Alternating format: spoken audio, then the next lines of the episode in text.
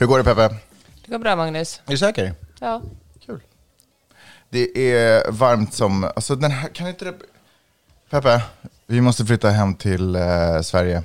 Jag står inte ut längre. ja men det, Jag har värme- nått min gräns nu. Värmebällen är slut imorgon. Jag känner att det påverkar mitt humör, det påverkar min koncentrationsförmåga. I'm out man, I'm out.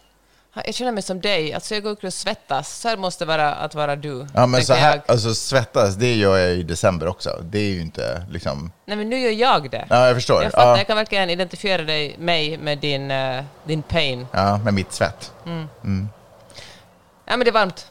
Ja, ja, det är det verkligen. Men hörni, var inte oroliga. Eh, vi har en cool podd för er.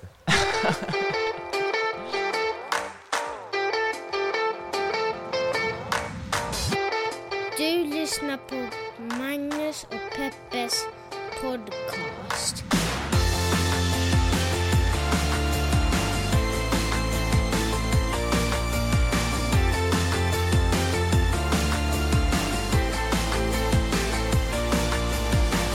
What's up motherfuckers! Hjärtligt välkomna till podcasten som heter Magnus och Peppes podcast. En liten podcast där vi pratar om stora och små händelser i världen. Och så gör vi det ur ett feministiskt, journalistiskt och mediegranskande perspektiv.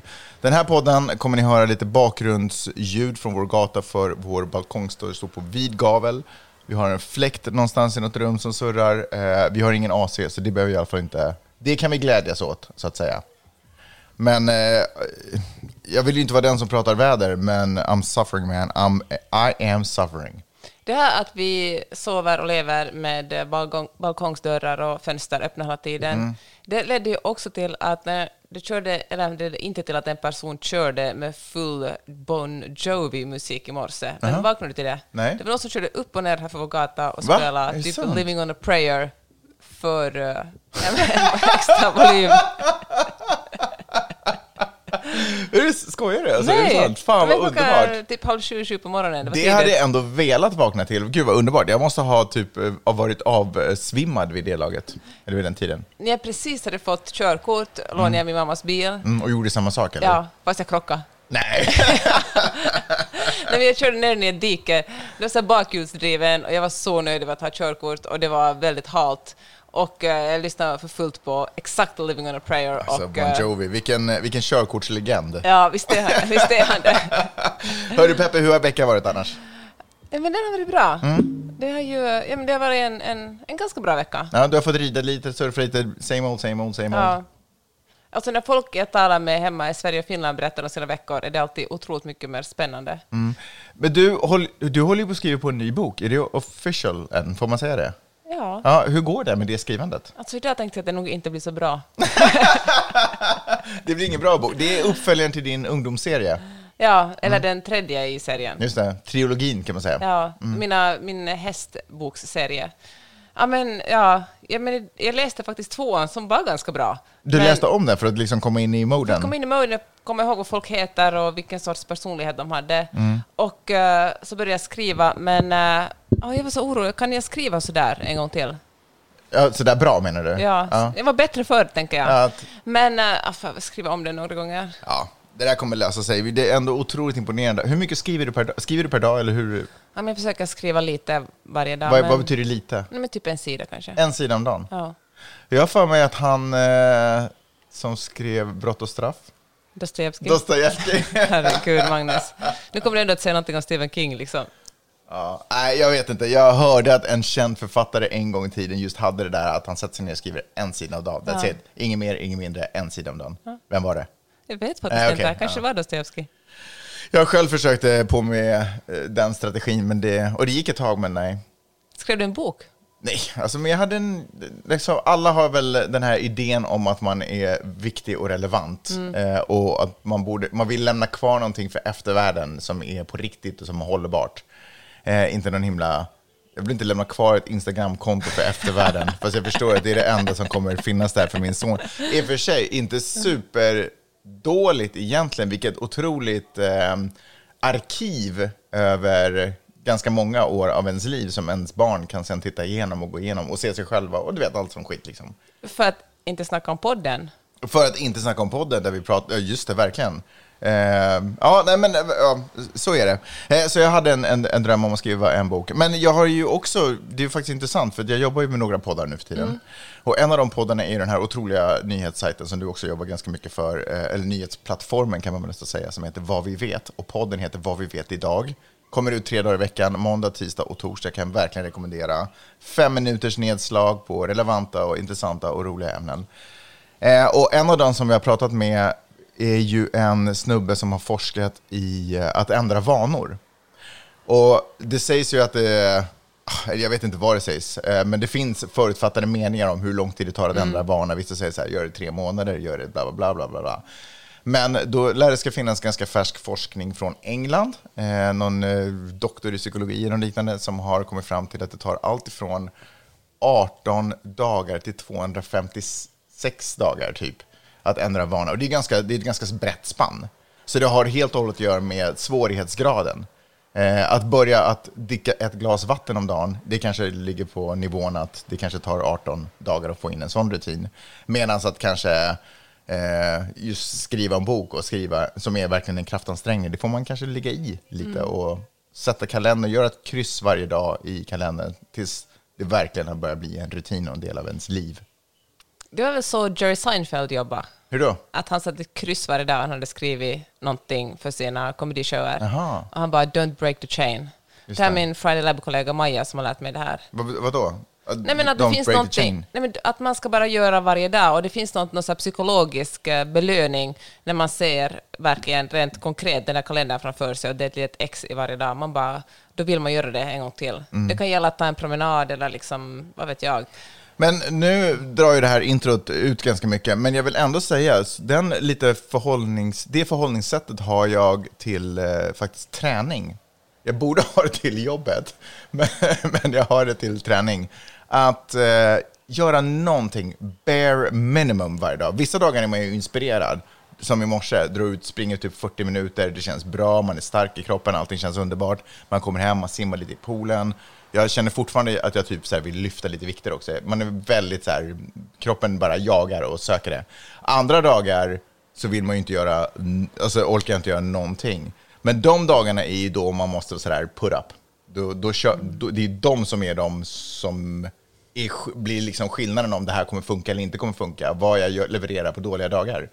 Så då gör jag åtminstone några armhävningar. Alltså, eh, jag måste få in ett 10 minuters träningspass i alla fall. Eller fem minuter. Men någonting som gör att jag åtminstone håller, åtminstone håller momentum. Ja, det låter smart. Ja, jag vet inte. Hör du, eh, wow, det har ju hänt en hel del den här veckan. Ska vi dyka in i det? Ja. Ska vi börja med det mest uppenbara, att världen saknar en regent? Ja, drottningen, 96 år gammal, Ja. finns inte längre bland oss. Känns det som att man hatade det eller brittiska kungahuset tills i torsdags? Va? Att man var så här, "Åh, jävla gammalt stofil, eh, bla bla bla, eh, kolonialister, smygrasister hela gänget, bla bla bla. Vad håller Harry och Meghan på med? Eller jag tycker att de gör no- Alltså du vet, massa så Ja. negativa åsikter. Tills i torsdags, då drottning Elizabeth dog, man bara, oh my god, det här är, vad, vad fin hon var ändå. Men nu tänker jag att vi måste skilja person från yrke. Mhm. Jag känner ju inte henne som person. Nej, men hon verkar ju vara en väldigt rolig och härlig person. Mhm. För oss som tittar på The Crown på Netflix kan lugnt se det. Ja, okej. Nej, men det finns ju många roliga historier om hennes humor. Ja. Men det, sen vad, har, vad heter hennes snubbe, eller hette hennes snubbe? Philip, Prince Philip. Det finns ju inget best of eh, så här, comedy strips med Philip. Utan det är henne som det Ja, finns ganska mycket så här, verkligen. Queen Elizabeths funniest moments eller bla bla bla. Men hon är ju rolig. Ja, det var. Men, eller vad? Men, eh, men jag håller verkligen med dig om att det där kolonialismen och att hon är kung över, eller nu att Charles är kung över, jag vet inte hur många, 14 stycken andra länder, 15 inklusive Storbritannien.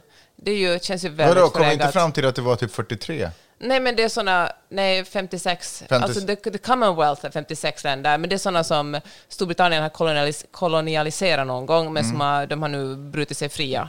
Och som nu är Commonwealth bara liksom ett gäng, det är som EU, fast ännu mer Mm. bara, det är kult, nej inte ens det, det är bara så kulturellt utbyte, de har sina egna typ OS-spel och sånt. Det är verkligen bara, Jaha, har de det? ja. Men, eh, men så finns det någonting, så finns det The en, Commonwealth Games? nej men typ, Okej. man måste tala sig superbrittiska. Yes, absolutely!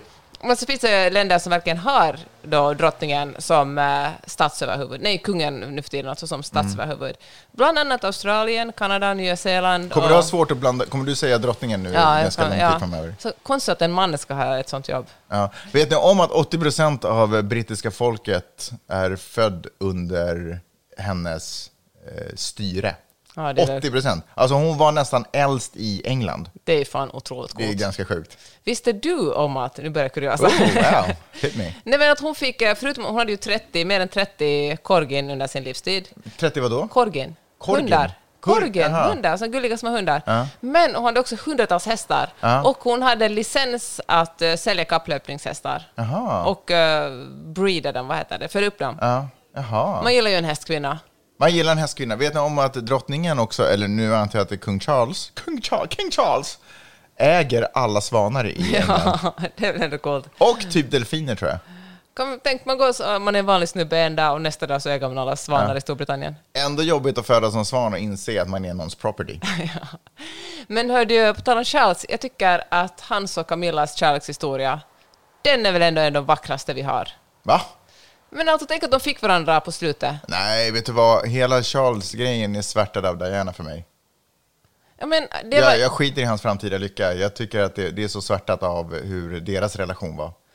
ja, alltså han var ju en, en asshole mot henne, men om man måste svara honom på något sätt, så tror jag aldrig jag skulle sitta i en podcast och besvara. göra. Men jag säger så här, det var omständigheterna gjorde. Han ville ju hela tiden vara ihop med Camilla. De Mm. träffades ju långt före Diana, men så visade det sig att hon inte var oskuld och det skulle ju inte ha gått för sig att han skulle gifta sig, gifta sig med någon som inte är oskuld. Så de separerades och gifte sig på varsitt håll. Och de var väl 57 år gamla när de till slut fick varandra. Mm. Det är väl ändå... Sen kan jag tänka på en sak, eller jag har tänkt mycket på en sak, hur eh, vidriga tabloiderna var på den tiden. Och hur vidriga folk är på TikTok fortfarande. De bara, uh, hur, kunde man, hur kunde Charles välja en ful kvinna framför en snygg kvinna? Det är så jävla sexistiskt. Mm. Alltså Camilla har fått ta mycket, hon är också hästkvinna förresten, hon har fått ta mycket skit sina dagar på grund av sitt utseende. Jag tycker det är så lågt Jag undrar eh, hur hon kunde välja en ful man istället för att gå och ta en snygg man. Kärleken är blind, Magnus. Grand, ja, kärleken har också, en, i det här fallet tänker jag att kärleken har en del titlar på kommande. Va? Tror du verkligen att det var att hon gick igenom all den här skiten för att få någon jävla titel? Det var ändå den... Jag det, tänker så här, varför skulle man gå igenom all den här skiten om det inte finns en titel någonstans i slutändan? Alltså, om man kan bli the queen! Hon är ju den nya tror du queen. hon... Verkligen inte. Skitsamma, jag orkar inte Men prata om det där. Helt jag ärligt, säga- jag har ingen känsla för det nya kungahuset. Det kände jag i alla fall när det kom, nu har det kommit bilder när um, prins Harry och Meghan och prins William och eh, Kate Whatevs man.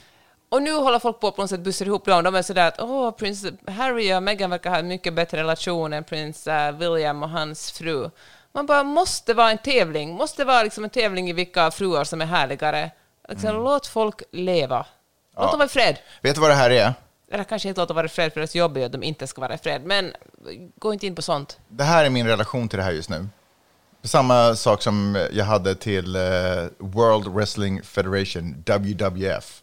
När Hulk Hogan slutade, tappade intresset. Det är över.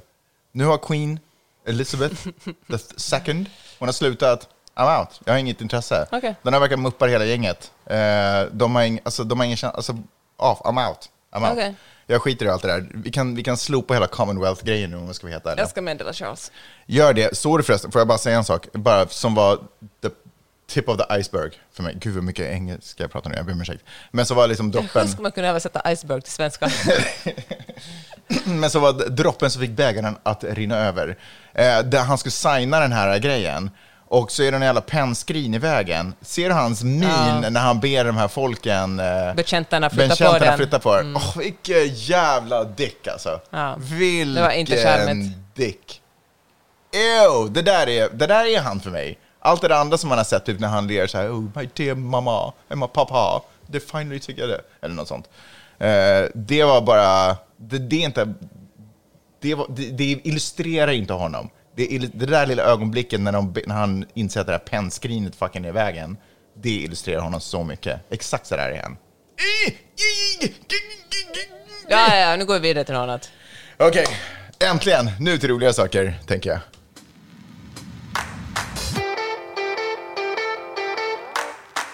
USA har ju ett jättestort drogproblem. Alltså, jag sa precis, nu går vi vidare till roliga saker. ja, nej men det är inte... Det är Tänk, inte eller tänker du ta den positiva aspekten? Magnus, det är inte därför jag är här i den här podden. Så USA har ett stort drogproblem, and the downside is... Okej, jag ska försöka få det här roligt. Nej, det går inte. Ja, men opioider har vi talat om jättemånga gånger i den här podden och det är verkligen ett gigantiskt problem att läkare skriver ut helt mediciner, smärtstillande som gör folk beroende. Och eh, en jätte... Det går ju inte omärkt förbi nu för tiden på samma sätt som det gjorde för några år sedan. Nej, men det är fortfarande ett stort problem. Alltså. Ja. Men, eh, men eh, nu finns det ett jättestort problem att eh, fentanyl, som är en syntetisk drog och enormt mycket billigare än till exempel kokain, Mm. nu blandar man i fentanyl i kokainet, vilket leder till att massor Folk med dör. människor dör. Ja, men får överdoser. Ja. Och fentanyl är något som, alltså som, det mesta ska man jobba upp tydligen en ganska stark motståndskraft. Eller alltså, du kräver allt starkare droger för varje gång du tar en drog. Så om man är en, eh, om man är en avancerad drogmissbrukare kanske man kan stå ut med den ganska höga eh, alltså, Doser. doser Ja. fentanyl.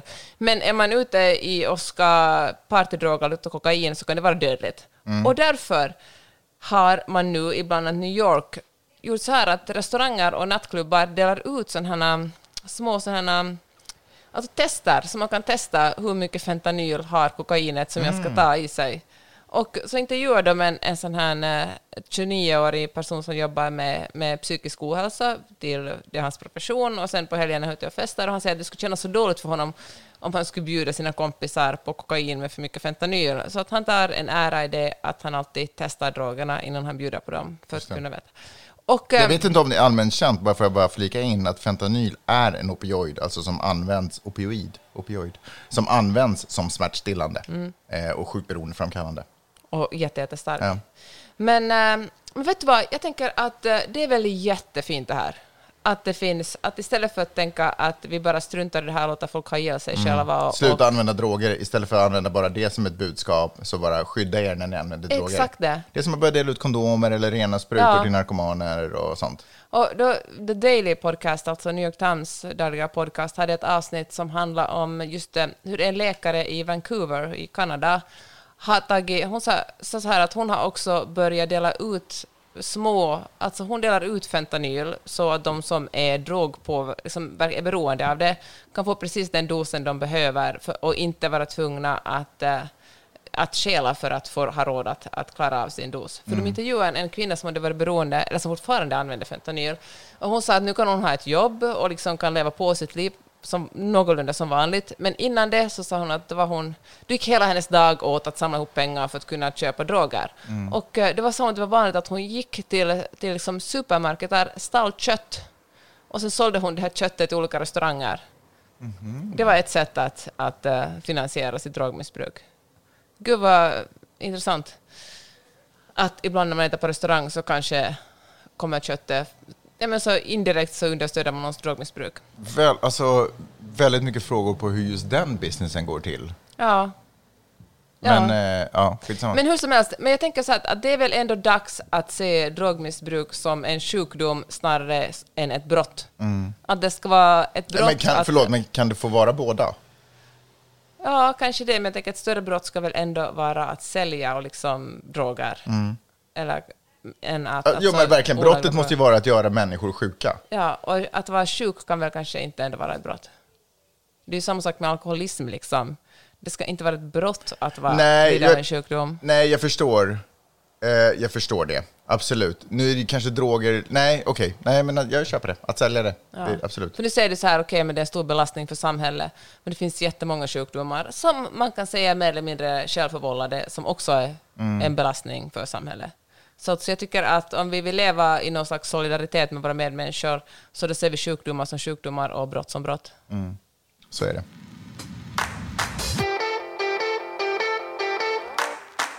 Det är valtider, kan man väl ändå säga i Sverige. Peppe, hur insatt är du i svensk politik?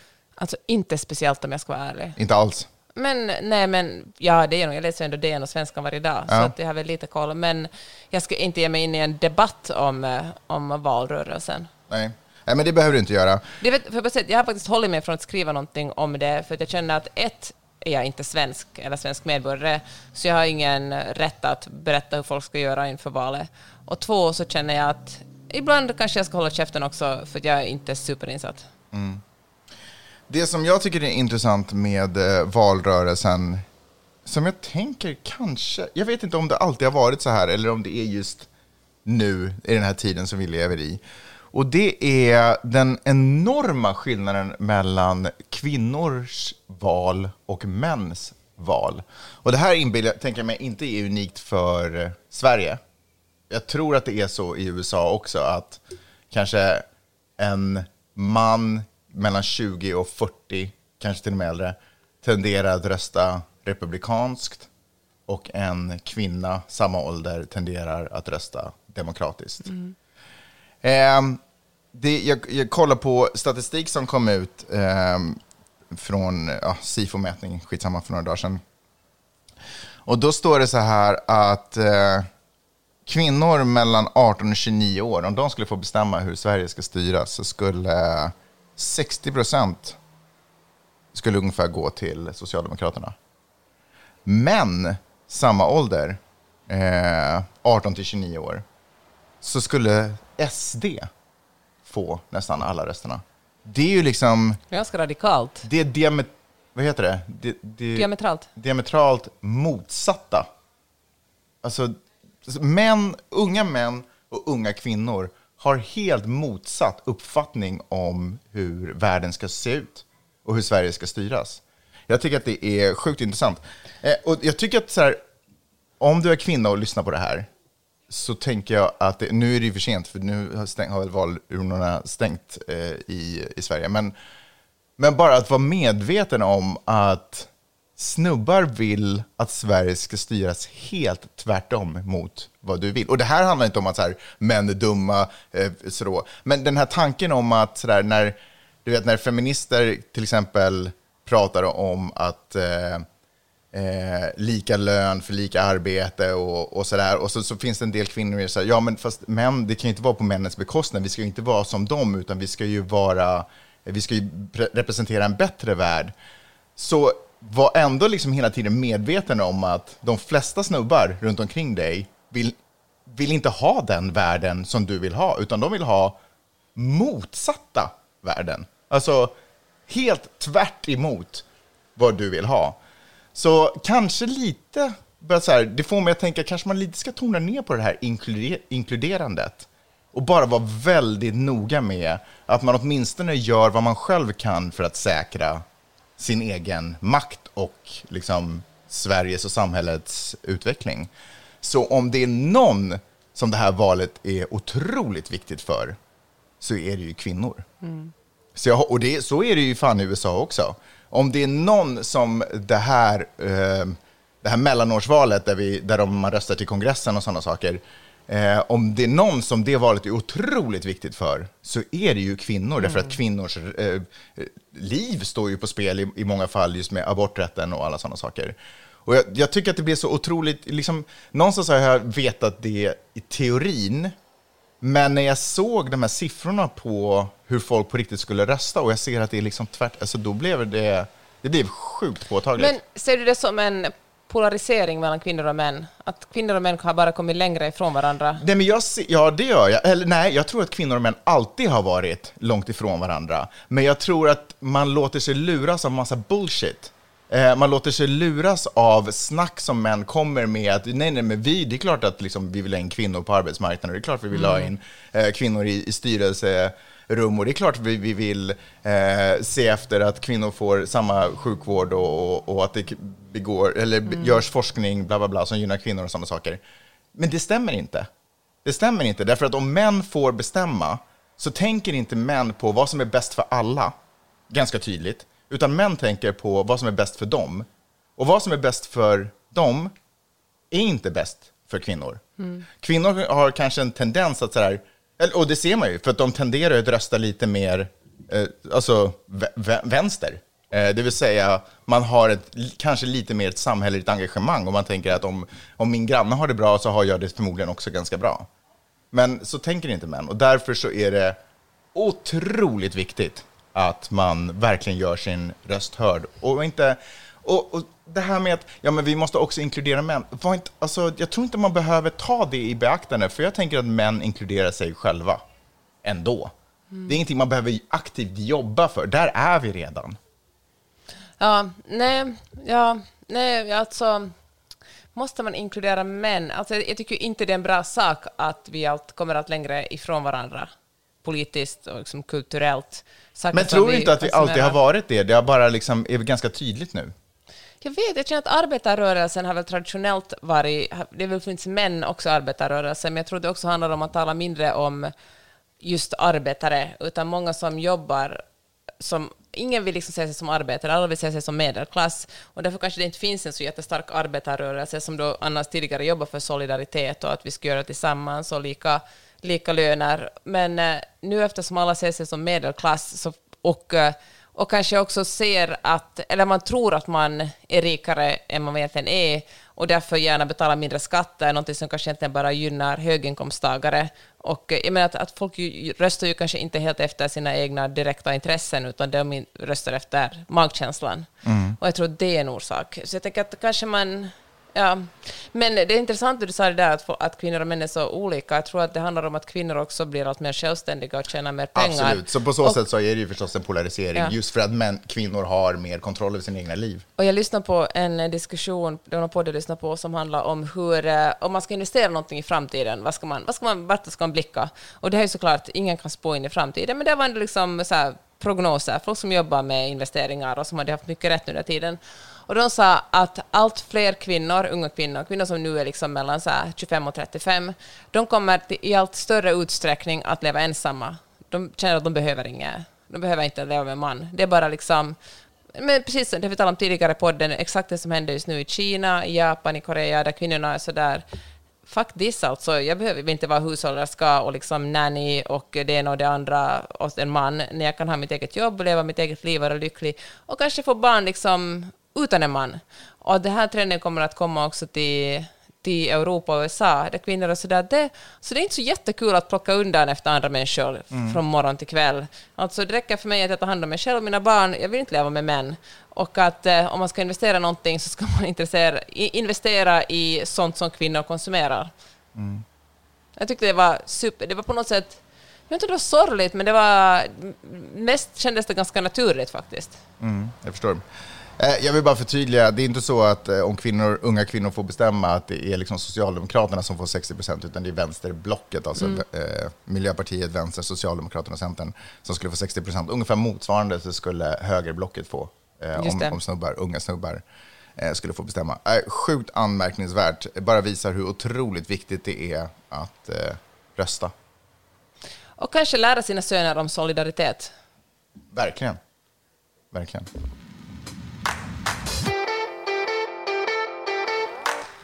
Jag tycker det är så spännande att många av de valen som vi på något sätt tror att är eller vill förklara biologiskt att män är på ett visst sätt för att av biologin liksom. Män är våldsamma på grund av att uh, testos, testosteron, heter det så? Ja, om det är det du menar. om det, ja, men jag skrev en artikel faktiskt om mäns våld mot kvinnor här i veckan och det finns inga, inga, ingen vetenskap som tyder på att män är våldsamma på grund av testosteron, att det är bara våldsamma till naturen.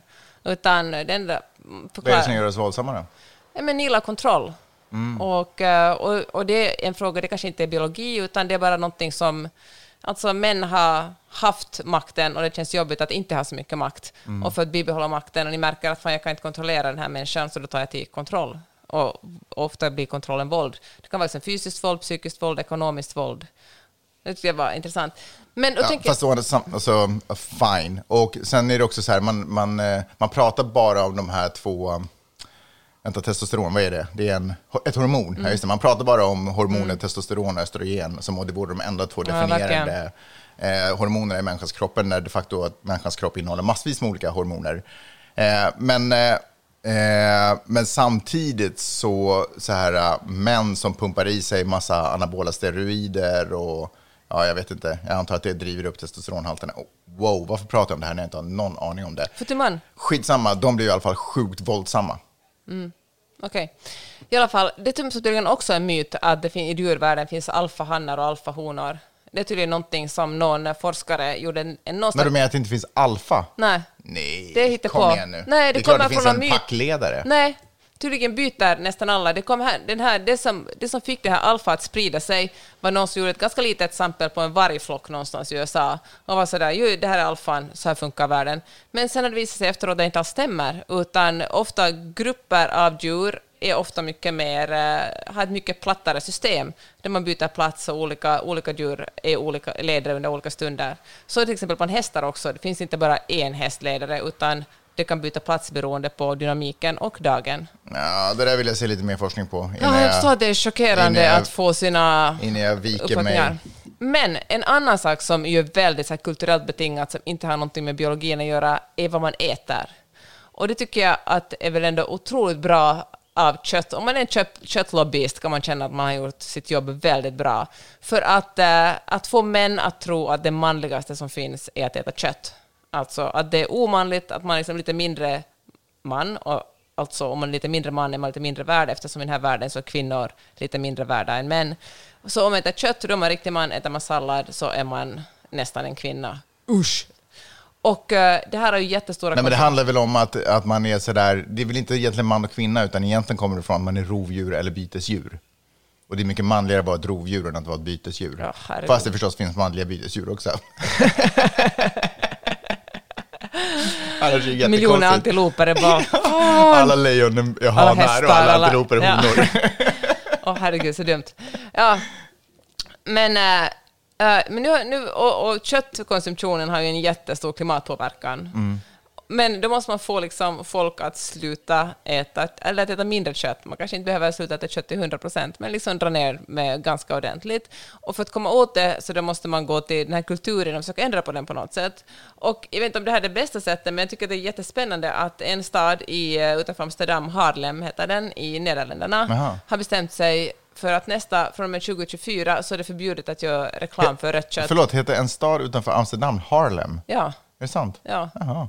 Nej, det finns säkert Amsterdam, det fattar man ju 15 förstås. Amsterdam i USA också. Obviously så är ju Harlem då i New York en liksom holländsk, eh, genom någon gammal kolonigrej. Ja. Men jag hade ingen aning. Spännande. men under typ två veckor så ägde väl Holland New York. Mm. Ja, ja, Sen men sålde precis. de den för två äpplen eller sånt. Och en harlem, och det är därifrån det har kommit. Men jag tycker det är, alltså, fan vad, det är väl självklart, det är lite som man gör liksom reklam för cigaretter, så ska man göra reklam för rött kött. Så Ja. jag förutspår att det här kan bli en trend på andra håll också. Men en eh, rolig detalj när det kommer till just sådär växtäteri och köttäteri och vad som är tuffast och starkast. Eh, jorden, alla djur, alltså de starkaste djuren på jorden, alla de är växtätare. Det finns ingen, en gorilla äter i huvudsak en eh, vegetarian. Eh, förmodligen den, den starkaste primaten på jorden. För att inte tala om liksom elefanter, bufflar, alla de Ja. här som är otroligt starka, bison, alla de här. Alla är ju växtätare. Så den här tanken om att man måste ha kött för att bygga, för att bygga muskler är ju ganska fånigt, därför att katter är ju ganska slimmade egentligen. Eh, Ja.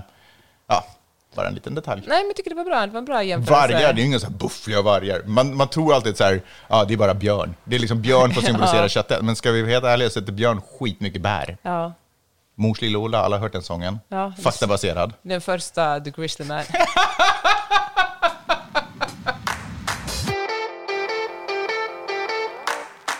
Hör du, så idag när vi spelar in det här så är det 11 september. Säger det dig någonting? Du menar 9-11? Ja. Ja. Tänk att det är 9-11 idag. Det är Ja. mycket som händer. Och gud Magnus, vi har gjort den här podden så länge så jag kommer faktiskt ihåg alla gånger vi har talat om 9-11. Var vi var. Nej, men jag har ingenting att säga om det annat än det faktum att eh, det minnet börjar fejda.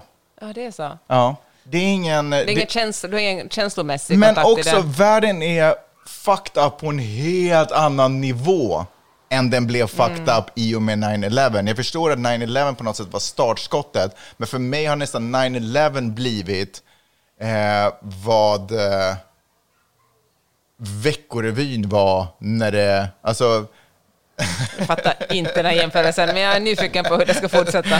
Skitsamma, det var en jättedålig liknelse. Nej men så här, om man tittar in, bläddrar i en ny vecko... Det, det sägs så här, att om man bläddrar i en ny vecko... Och det här måste komma ut för tio år sedan, för, och du kommer förstå varför. Eh, om man bläddrar i en ny veckorevy-tidning så är innehållet nästan samma som man bläddrar i en jättegammal porrtidning. Jaha. Förstår du vad jag menar? Att, Jaha. att eh, skalan bara Ja, har ja, jag förskjutits. fattar, jag liksom. fattar, Eh, jag, jag tror inte att det är sant, men, men ungefär så här pratades det om. Och, och 9-11 är på något sätt för mig, vi har kommit så långt så att det låter som en, eh, det känns som en softcore, alltså det är bara gulligt. Det är bara, Softcore. det är bara, det är bara, det är bara ett mysigt litet minne av när världen var o, en oskyldig Mm. plats, ungefär. Eh, med tanke på hur, bara förs- hur vi har förstört den och hur Mm. eh, vidrigt folk beter sig i alla, alla hörn av den här runda planeten. Mm. Ja, ja okej. Mm. Förstår du vad jag menar? Jag förstår, Ja, jag, jag ber om ursäkt för också- alla liknelser som jag dragit de Ja, senaste två ja. minuterna. Ja, ursäkt, inte accepterad. Nej men okej, okej, jag förstår vad du menar och jag vill hålla med, men jag tänker att det händer, alltså, ja, jag tror att det kanske är mest tiden som har gjort att, att eh, liksom, vi har suddat ut lite de, de största känslorna. Det, var ju, det hände ju mycket fruktansvärt före det också, och eh, efter det. Sen har ju Ja. nyhetssändningarna och möjligheten att ta reda på exakt vad som händer blivit mycket mer intensiva och därför kanske det känns extra hemskt. Jo, men det som 9-11 blev starten på var på något sätt eh, synandet av lögner, eh, politiska lögner som, för att motivera krig och anfall. Jag kan föreställa mig att det har pågått i alla tider, att ledare alltid har vridit och vänt på sin argumentation för att få publi- publikens eller liksom vanliga människors eh, medgivande till att anfalla något annat land och whatever, bla bla bla. Men här så blir det på något sätt som att, vänta, ni ljuger ju, Ja. och ändå gör vi det här. Ja, nej men fair enough. Ja, ehm, Det, och då blev världen konstig, för då blev det ganska officiellt att vi inte kan lita på våra ledare. Fast vissa ledare, alltså kanske främst USA. Nej, men jag då. pratar ja. om USA. Ja. Jag pratar om USA, för det är ju ändå USA som har haft de... Men, alltså USA är ju inget litet whatever-land, utan allting som Ja. USA gör har enorma konsekvenser. Vissa blir sjukt inspirerade av det, det väcker konflikter i andra länder, förutom det faktum att de är på platser och bara fuckar upp länder och statsskick Ja. eh, och människor och, och alltihopa. Jag läste en artikel som finns i mitt nyhetsbrev förresten, och som handlar om att eh, det här, all, hela den där proceduren som man genomgår när man ska in på ett flyg, ta av sig skorna och köra grejerna, metalldetektorer, har egentligen noll alltså, verkan på säkerheten. Det, finns, det, är liksom bara en, det är bara en koreografi vi gör för att vi ska känna oss säkrare. Det handlar specifikt om USA med TSA. Liksom. Den har uh, varken gjort uh, flygande mindre säkert eller mer säkert. Det är bara... Men fast vadå, har det varit hemskt mycket hijackningar av plan efter det? Nej, men det var inte före det heller. Nej, men kanske den ena gången hade hindrats. Ja, nej men så här säger artikeln. Fast å andra sidan, det var väl inte så att de hade med sig en massa saker i planen? Jag kommer inte nej, men de gick väl in och tog piloten. Ja, okej, ja, jag vet inte. Jag, alltså, jag, är ju inte, alltså, jag tycker det är ganska nice att det finns metalldetektorer. Fast jag fattar att man säkert kan skruva ihop, skruva ihop någon agentliknande pistol med någon suddgummi och en penna. Liksom. Men, eh, men det känns ju ändå nice att folk åtminstone blir lite klerade av en säkerhetskontroll. Men förr i tiden kunde man verkligen så här gå med cigaretten från eh, check-in raka vägen in liksom på planet. Hämta sina kompisar från flyget, liksom, när man mötte dem på flygplatsen. Typ nästan. Ja. Typ nästan. Ja, 9-11 alltså. Eh, hur många år sedan är, är det? Var det 2001? ja, Ja, 11 år sedan. 9-11-11. eller räkna igen. Är det 2023 nu? Nej, men alltså det är över 20. 20 år sedan. Jag skulle... Ja, vad sa jag då? 11 år sedan? Ja. Ja, 21 år sedan. Aha, shit. Så kan det gå. Ehm, Gud så condescending av mig. ja, verkligen. Det är mitt liv. En annan text som också finns i mitt nyhetsbrev är en, ett reportage i The New Yorker som handlar om hur svårt det är att vara feminist i Kina. alltså, men man tänker så här, det fanns... Säkert en del av samma utmaningar som man går igenom i Afghanistan. Nej men alltså borderline faktiskt. Alltså du skrattar kanske, men när metoo kom som en våg genom världen... Nej, men, nej, jag skrattar åt att varför fanns det förväntan på att det skulle vara lätt att vara feminist i Kina? Nej, men ja, jag vet, alltså Kina vill ju vara någon slags blandning mellan kommuniststat och, och, eh, och en liksom... Nej, det tror jag inte. Jag tror att de har inga ambitioner på att vara någonting annat än en kommuniststat. Men i kommunism är man ju inte kapitalist och de är ju de mest kapitalistiska man kan tänka sig. Det är mycket handel. De har ju ett jätte... Det är ju ett konstigt system. Så Jo, fast det styrs ju av en kärna. Ja. I alla fall, så när metoo drog över resten av världen, då var man i Kina och sådär, men vi ska också ha det här. Men det har visat sig vara faktiskt omöjligt. Alltså kvinnor som rapporterar om att de har blivit trakasserade eller försöker stå upp mot kvinnors rättigheter. Blir helt enkelt alltså fysiskt slagna eller så får de sparken eller så får de liksom bli helt...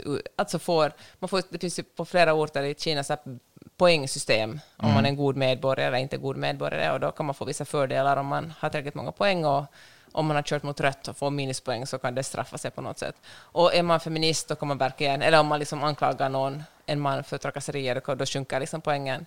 Och, Kan eh, man ändå säga att det systemet ungefär finns i USA också, förutom att det inte är ett uttalat poängsystem? Ja, i och för sig. Gud vad deppigt. Ja, fan det är inte så bra att vara kvinna. Nej, jag tror att det är väldigt få platser på jorden som det är liksom... Det fin- finns en safe haven. Är typ Gotland en safe haven? Jag vet faktiskt Jag inte. det.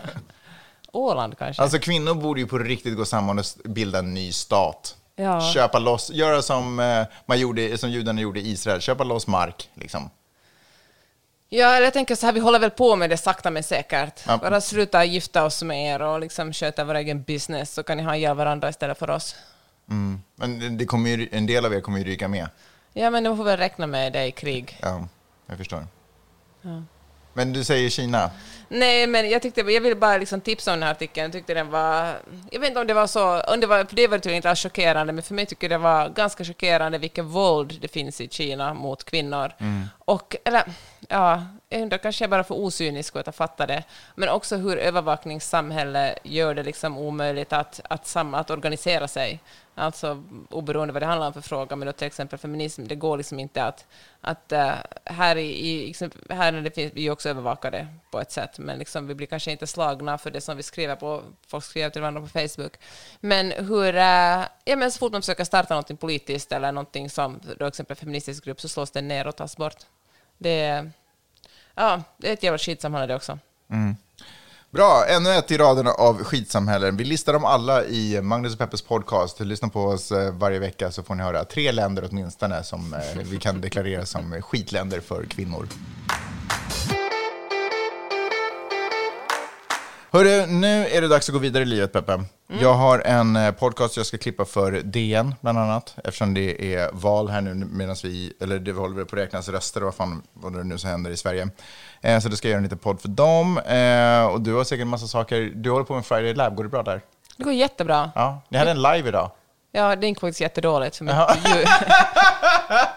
Tips Men jag bara. älskar när mina våra engelskspråkiga kompisar kollar på den. Alltså Ja. vår surfinstruktör Crash, han är alltid inne och kollar när jag livear och hejar på mig. Jag tycker jag är väldigt solidarisk. Det är faktiskt väldigt fint. Nej, men, eh, men alltså, när vi har så tagit, öppnat upp för nya medlemmar och det, man kan ansöka om medlemskap ända tills, eh, ända till måndagen. Och det har gått så bra. Vi har haft alltså rekord. Jag är på så Rekord? gott som rekord, som man Ja, säger på finlandssvenska. Ja, två R. Ja. Nej men eh, vi har fått jättemånga nya medlemmar. Det är så roligt. Det, det lossar nu, Magnus. Mm, fan vad roligt. Jag har ju fått en till podd som jag hörs i. Eh, varje fredag kan man höra mig med Rebecca Stella och en gäst. Jag är sidekick, men that's my life. The story of my life. Vad Man. heter den podden då? Men vet du vad, jag, alltså, vad sa du? Vad heter den Den podden? heter Stells and Friends. Okej. Stells och Friends. Tack för att du översatte just det. Men det översatte inte Friends. Nej, för det är liksom ett och-tecken, så jag tänkte att det- det stod inte på engelska. Eh, så det kan man lyssna på varje fredag om man inte känner att man får noga min röst här och nu. Och det är också början på din influencerkarriär. Det är också början på min, eh, ja, eller slutet på min influencerkarriär. Eh, dig hör man ju också i skåpet. Men det jag framförallt vill, eller vill du säga någonting om det? Nej. Det jag framförallt skulle vilja rekommendera om man verkligen eh, vill utnyttja Peppes hjärna, det är att gå in och prenumerera på hennes nyhetsbrev. peppe.substack.com. Eh, fantastiskt eh, nyhetsbrev. Jag, jag brukar säga det varje vecka, men det stämmer. Alltså jag använder väldigt mycket innehåll där för att verka smart i den här podden. Och så säger jag inte att jag har läst det egentligen för vad du har kurerat redan. Fem dollar kostar det i månaden va? Ja, ingenting. Nej, och då får man dessutom den här podden på fucking köpet. Så eh, grattis till er att ni känner eller har eh, hört talas om en kvinna som heter Peppe Öhman som gör alla de här sakerna för er. Så hook her up. Ehm, utöver det, jag ska försöka genomlida den här värmen och så hörs vi om en vecka. Det gör vi. Och då kommer jag ha gått ner några kilo i vätska. Nice, då kommer jag Därför att att jag vara i mycket. Stockholm. Vadå nice? Det är ju super onajs. Ja just det, det kanske inte blir någonting nästa vecka för du är i Stockholm. Man vet aldrig med mig. Vi ska försöka, vi ska försöka, vi ska försöka. Hörni, ha en fantastisk vecka. Jag älskar er, ta hand om er jättemycket. Vi hörs. Tack för att ni lyssnade. Hej då!